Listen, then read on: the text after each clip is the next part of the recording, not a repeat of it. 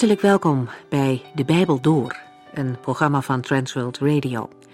De Bijbel Door is een radioserie die u in vijf jaar meeneemt door de hele Bijbel. Van Genesis 1 tot Openbaring 22.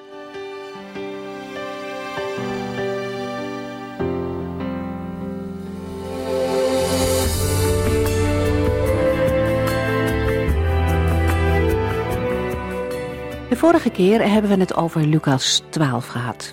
In dit hoofdstuk geeft Jezus eerst onderricht aan zijn discipelen.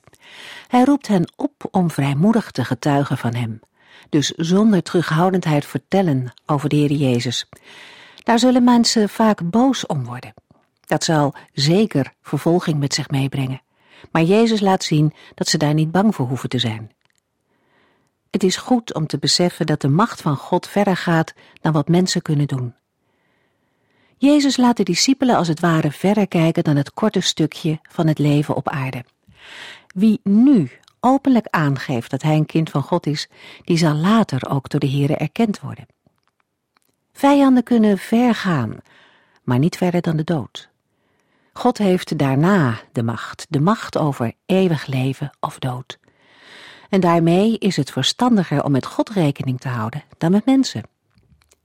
Verder kijken dan dit leven heeft ook gevolgen voor de waarde die materiële zaken krijgen. Misschien is het volgende verhaal wel heel herkenbaar. Er komt een man bij Jezus die een conflict met zijn broer heeft over de erfenis. En Jezus laat hem zien hoe wankel het is als je leven draait om geld en om bezit.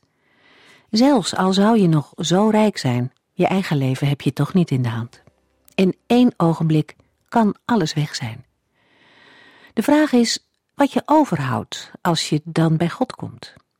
De Heer Jezus vertelt zijn discipelen dat God voortdurend naar hen omziet, dat Hij zorg voor hen heeft. Voor hen en ook voor ons is het genoeg om daarop te vertrouwen. Mensen die rijk zijn in God, die zijn echt rijk. En tegelijkertijd roept de Heer Jezus zijn discipelen ook op om waakzaam en trouw te blijven in de tijd dat ze moeten wachten op zijn terugkomst. Gericht zijn op een hemelse schat ontslaat niemand van zijn verantwoordelijkheid op aarde. We gaan verder met Lucas 13.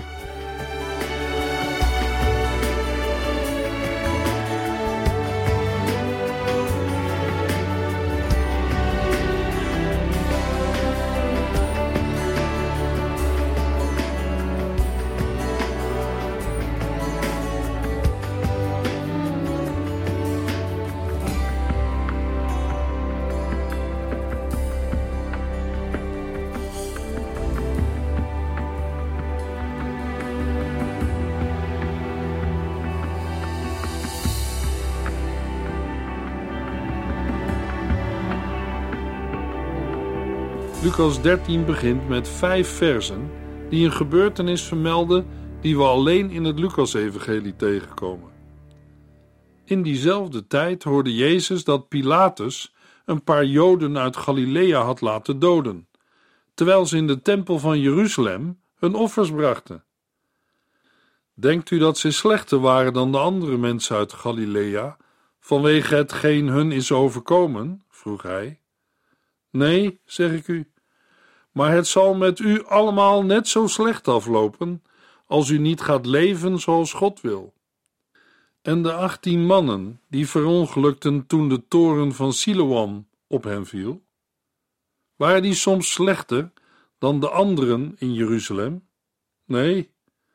Als u niet gaat leven zoals God wil, loopt het met u net zo slecht af. Een aantal mensen meldde Jezus een wandaad van stadhouder Pilatus. Ze deden dat terwijl de Heer Jezus met het volk sprak over het verstaan van de tekenen des tijds. Lucas 12, vers 56. Om dat aan te geven begint Lucas hoofdstuk 13 met de tijdsaanduiding in diezelfde tijd. Mogelijk kwamen de mensen juist toen met het bericht bij hem omdat ze het als een teken van de tijd in verband brachten met wat Jezus net had gezegd. Ze vertelden Jezus dat Pilatus het bloed van Joden uit Galilea vermengd had met dat van de dieren die ze offerden. Wat was er gebeurd? Pilatus had een aantal pelgrims uit Galilea laten ombrengen terwijl ze in de tempel bezig waren offers te brengen. Het betreft waarschijnlijk een represaillemaatregel die Pilatus nam tegen mensen die verdacht werden van oproer tegen zijn bewind. Door deze gruwelijke daad van Pilatus werd het offerbloed verontreinigd en vond er een moord plaats in een deel van de tempel waar heidense soldaten niet mochten komen.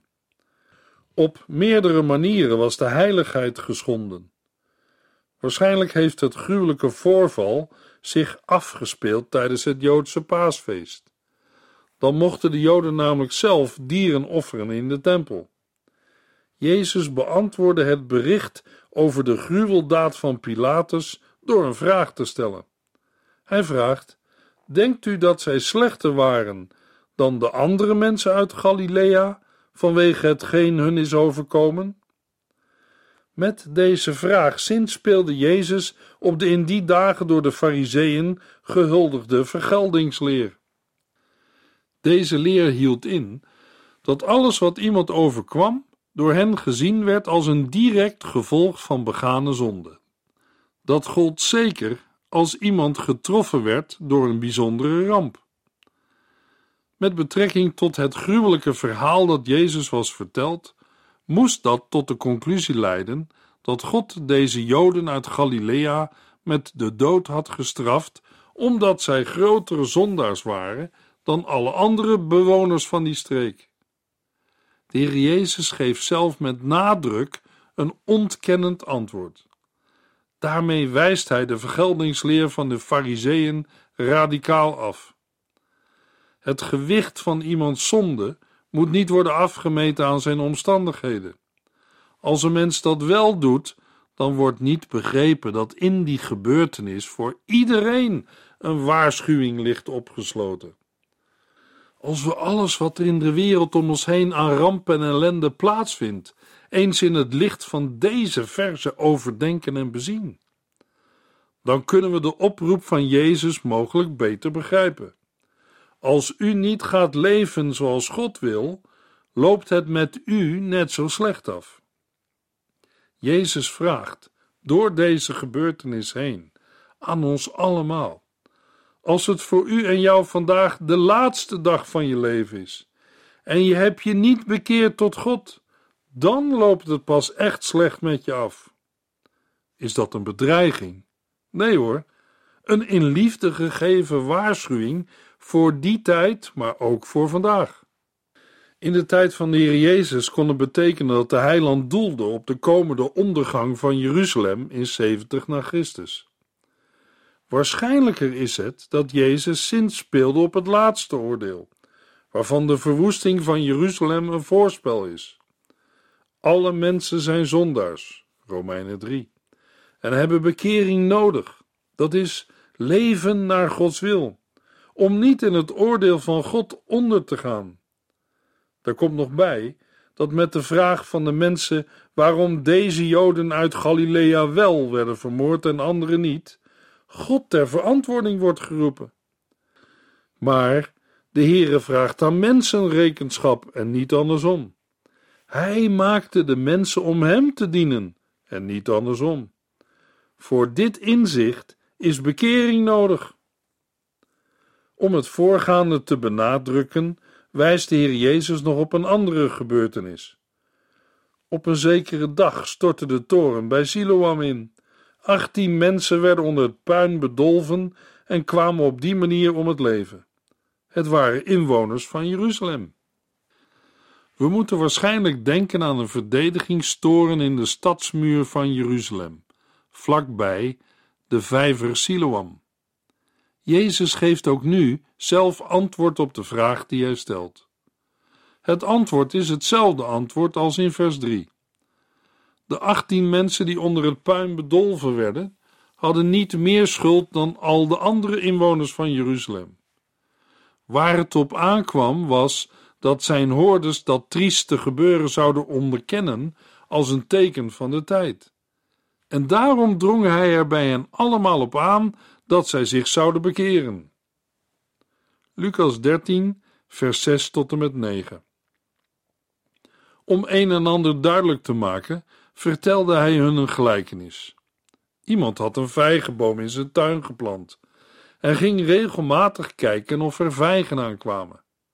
Maar nee, er was geen vijg te zien. Ten slotte zei hij tegen zijn tuinman: Hak die boom om. Ik wacht nu al drie jaar en heb nog steeds geen vijg gezien. Ik heb er genoeg van. De boom neemt alleen maar plaats in. Wij kunnen die grond beter voor iets anders gebruiken. Laat hem nog één jaar staan, antwoordde de tuinman. Ik zal hem extra goed verzorgen en mest geven.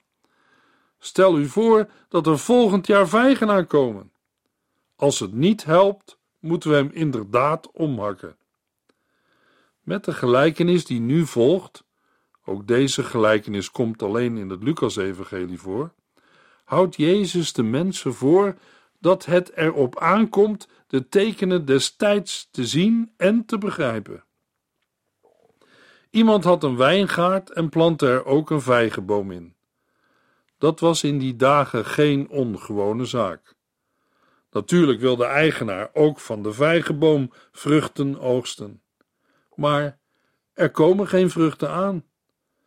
Met dit beeld grijpt Jezus terug op het Oude Testament, waarin het volk Israël nogal eens wordt vergeleken met een wijnstok of een vijgenboom die geen vrucht voortbrengt. Daarmee maakte Israël zich rijp voor het oordeel van God.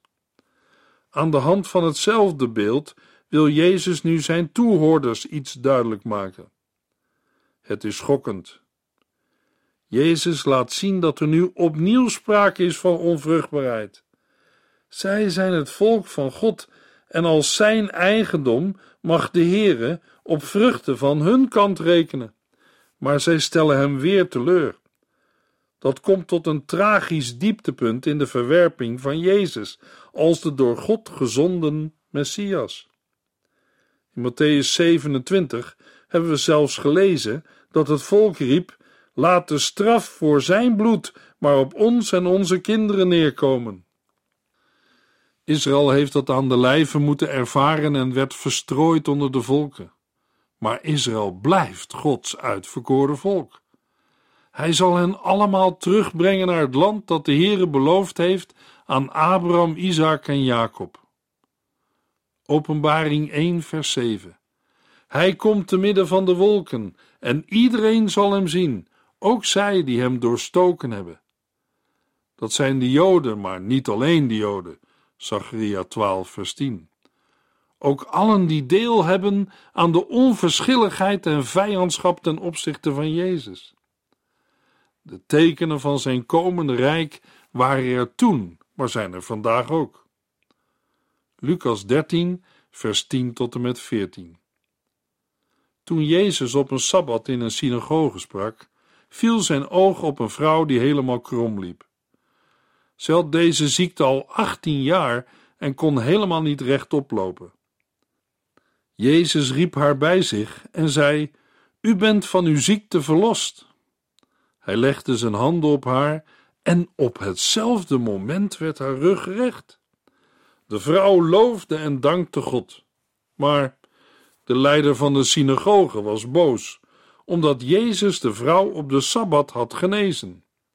Deze week heeft zes dagen om te werken, zei hij tegen de mensen.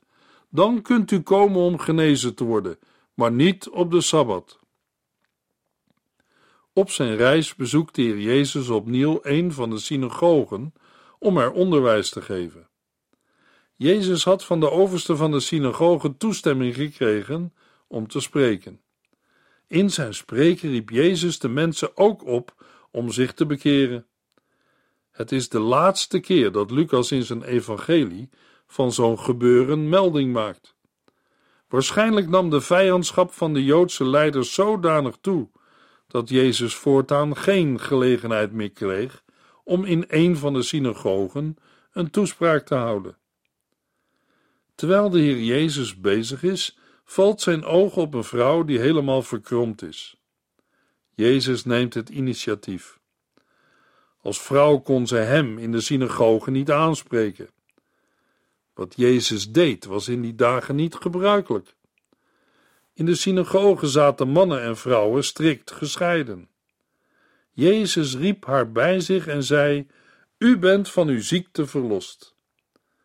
De heiland doorbrak de strenge regels van het huis. De ergernis van de leider van de synagoge kan er gedeeltelijk aan worden toegeschreven.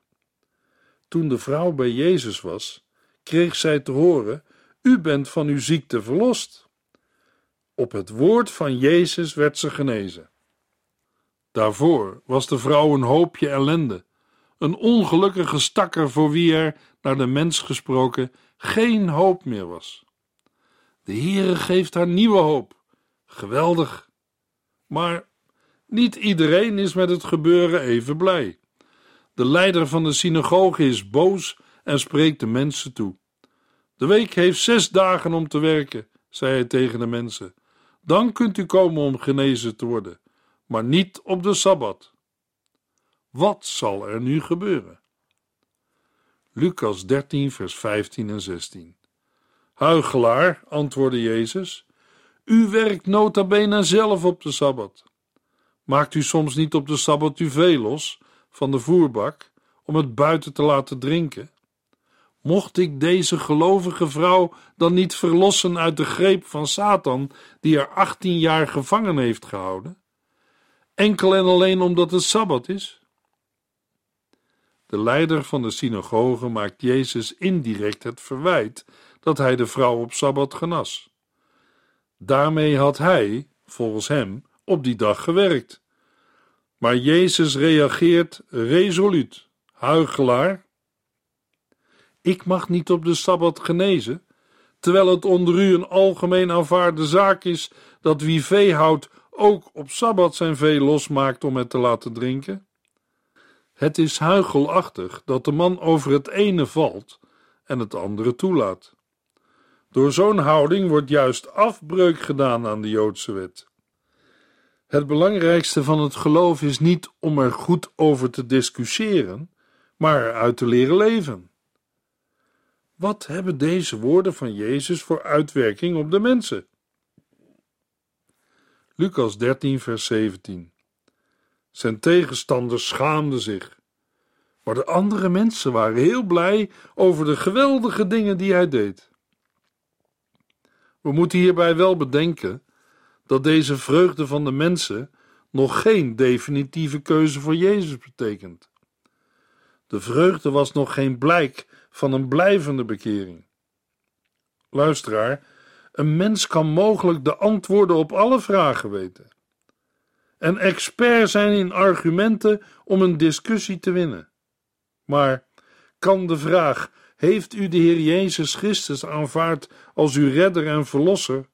met een volmondig ja worden beantwoord? Nee? Kom dan naar de Heer Jezus Christus met al uw lasten en zonden. Hoe dat kan? Door te bidden in uw eigen woorden: Heere, hier ben ik. Ik heb gezondigd tegen de hemel en voor u. Ik ben het niet waard, maar wilt u mij maken zoals u mij hebben wilt? Lucas 13, vers 18 tot en met 21.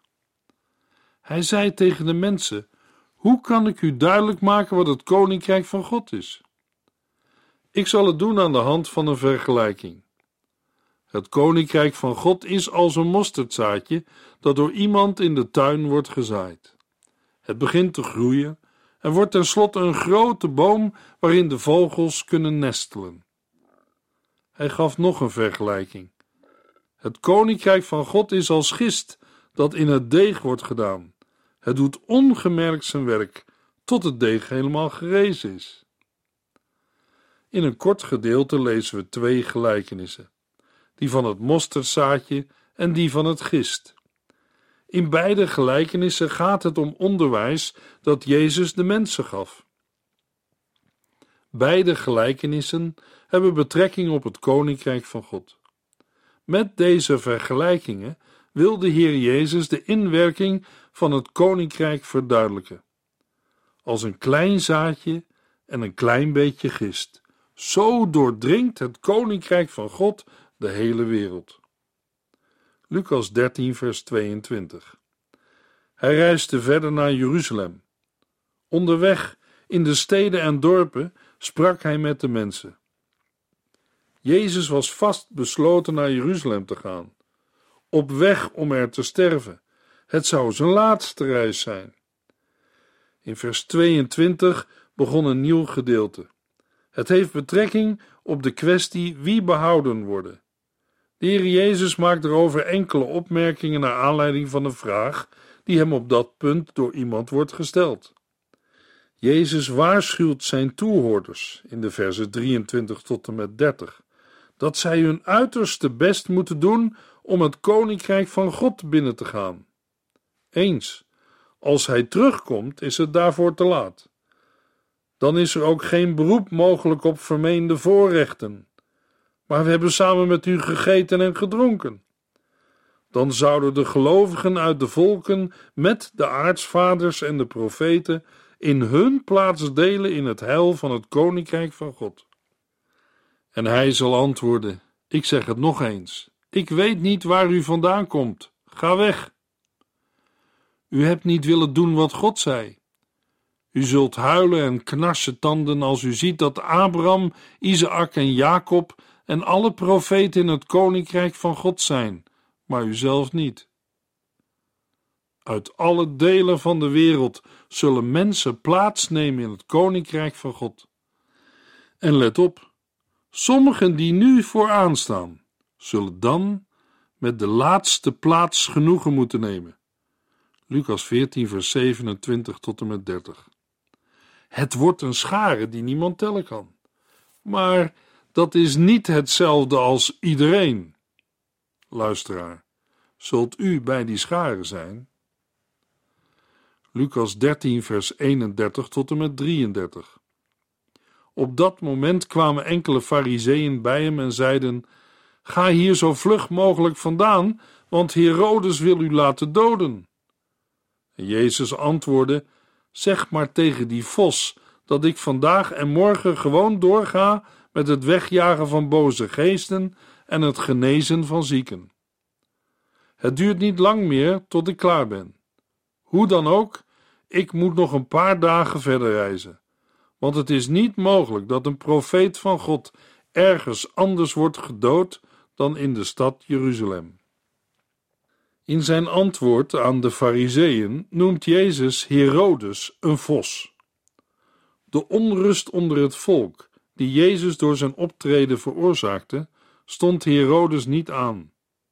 Hij wilde geen moeilijkheden met Pilatus, met wie hij in vijandschap leefde. Lucas 23. Om die reden zag hij Jezus liever vertrekken. Deze boodschap liet hij de Fariseeën aan hem overbrengen, met daarbij het dreigement dat hij hem anders zou doden. De Fariseeën hadden er wel oren naar Herodes van dienst te zijn. In Jeruzalem konden zij Jezus, met de hulp van het Sanhedrin, beter in de val lokken. Herodes zal van hun bedoelingen geweten hebben.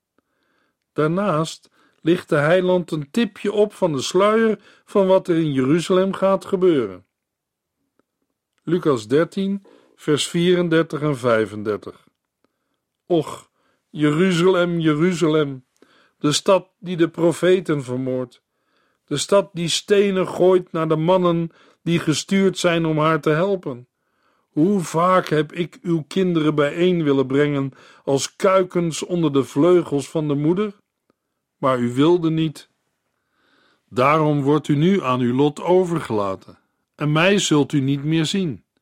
U zult mij pas weer zien op de dag dat u zegt: Gelukkig is hij die namens de Heere komt.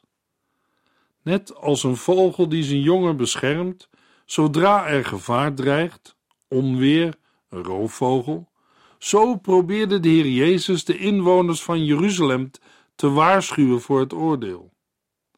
Zozeer gingen zij de heiland ter harte, maar zij wilden niet. Nu was hun veroordeling niet meer te keren, en dat deed hem veel pijn. Och Jeruzalem, Jeruzalem, u zult mij pas weer zien op de dag dat u zegt: Gelukkig is hij die namens de Heere komt. De situatie is niet zonder uitzicht. Ze zal duren tot het ogenblik waarop zij tegen hem zullen zeggen: Gezegend hij die komt in de naam des Heren. Daarmee wijst Jezus naar zijn wederkomst. Dan zullen ze hem als hun Messias verwelkomen met de woorden uit Psalm 118, vers 26. Met andere woorden, er is nog hoop, een mogelijkheid om zich te bekeren. We zijn toegekomen aan Lucas 14. In de eerste zes versen vertelt Lucas over een genezing die op sabbat plaatsvond. Het gaat om een man die aan waterzucht, oftewel oedeem leidt. De geschiedenis herinnert sterk aan Lucas 13. In Lucas 13 gaat het om dezelfde vraag die we in vers 3 van Lucas 14 vinden. De vraag is: mag men volgens de wet van Mozes iemand op de sabbat genezen of niet? Lucas vertelt dat Jezus op een sabbat is uitgenodigd om bij een vooraanstaande fariseer te komen eten. De Heer wordt nauwlettend in de gaten gehouden. Nu het om een gebeuren op sabbat ging, loerde zij op een mogelijkheid om hem in de val te lokken. Ineens stond er iemand die aan waterzucht leed voor Jezus. Dat was een oedeem dat bestond in een ziekelijke ophoping van vocht in de weefsels en holten van zijn lichaam, waardoor bepaalde lichaamsdelen opgezwollen raakten. Het was een symptoom van een ernstige inwendige ziekte. Uit het verband krijgen we de indruk dat de gastheer de man had besteld om Jezus op de proef te stellen. Het feit dat Jezus zich na de komst van de zieke niet tot hem richtte, maar tot de wetgeleerden en de fariseeën, bevestigt dat. Na de vraag van Jezus zwijgen ze in alle talen. Ze zwegen in alle talen. Jezus nam de zieke man bij de hand, genas hem en liet hem gaan. Daarna keek hij hem weer aan en zei: Als uw zoon op een sabbat in een put valt, haalt u hem er toch ook uit? En een koe laat u er ook niet in liggen? Ze wisten niet wat ze moesten antwoorden. Lucas 14, vers 3 tot en met 6. In de volgende uitzending lezen hoe het verder gaat in Lucas 14.